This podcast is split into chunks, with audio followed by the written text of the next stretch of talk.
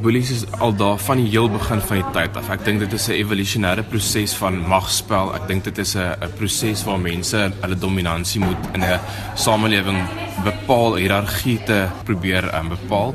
En daar's 'n paar rolspelers by bullies. Daar's natuurlik die bully, daar's ons die slagoffer van die bully, maar dan 'n belangrike rol wat partykeer um, misgekyk word is die rol van die bystanders, die mense wat wat saam met die bully daar is.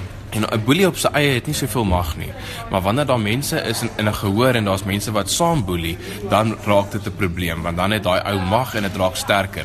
Die mense sien dit in die werksplek ook dat 'n boelie gaan gewoonlik 'n bende vorm wat saam met hom gaan boelie en dit gee vir die die boelie dan die mag om die slagoffer dan te teiken. Dit is dan 'n sistemiese probleem wat aangespreek moet word.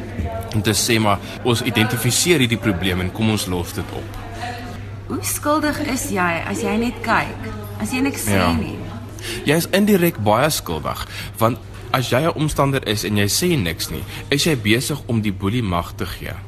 Want die boelie soek 'n gehoor en die boelie soek mense wat saam met hom staan en sê ja, ja, ja, jy's 'n slegte persoon. En as daai mense nie daar is nie, dan het die boelie baie minder krag. En die omstanders kan juist die slagoffer help om meer mag te kry en te sê maar weet jy wat is nonsens jy kan nie hierdie persoon boelie nie en ek dink in gevalle waar dit gebeur kan so 'n situasie ontlont word maar hoe moeilik is dit vir die mens as die mens as evolusie ja. uit om teen die sterker een op te staan. Ja, dit is baie baie moeilik want daar is gewoonlik 'n alfa persoon in die groep en daai persoon is soms die boelie. En dan is dit moeilik om op te staan want dan loop jy die risiko om dan ook 'n slagoffer te word. Maar ek dink as meer mense dit doen en as jy die guts het om dit te kan doen, gaan mense dalk meer respek hê vir jou en dit gaan dan die die mag van die boelie begin wegvat. Kom ons praat oor die werksplek boelie.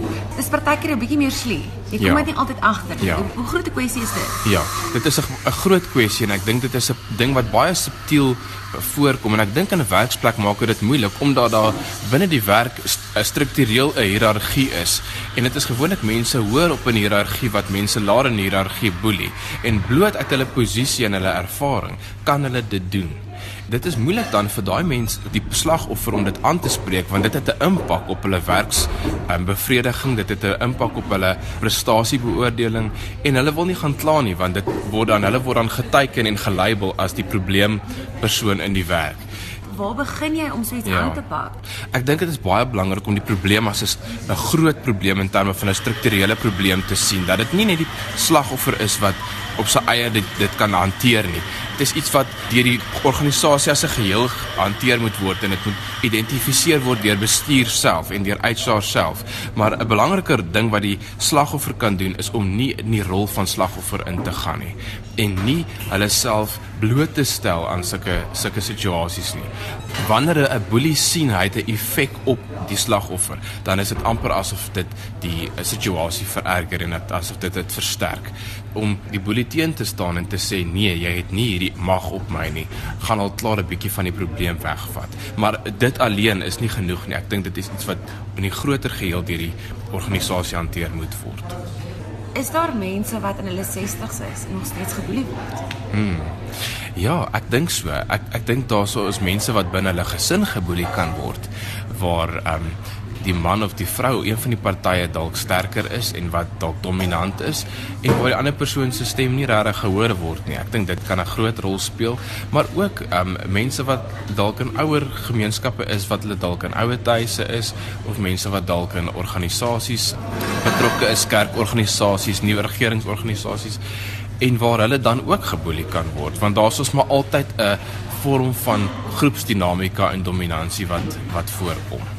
Dink jy daar dink jy party mense boelie iemand anders sonder om te besef dat dit boelie is? Dit is heeltemal moontlik. Ek dink dat dat daar mense is wat regtig dit is hulle hulle manier van die spel van die lewe speel.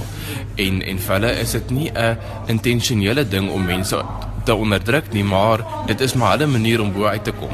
So dit gebeur amper op 'n onbewuste vlak dat hulle die, die mense verneder en um, op baie subtiele maniere partykeer probeer onderhou wat eintlik dan boelie is. Ja. Watse raad het jy vir die boelie in hierdie Ek dink die boelie moet geïdentifiseer word en ek dink as die boelie begin verstaan die impak wat hy of sy het op die slagoffer en op die stelsel as 'n geheel, dan gaan hulle dalk begin insig kry en as die boelie genoeg die emosionele intelligensie het en die uh, empatie het om te kan verstaan die impak wat hulle het op 'n ander persoon, mag dit dalk verander. Maar nie alle boelies het daai vermoëns nie.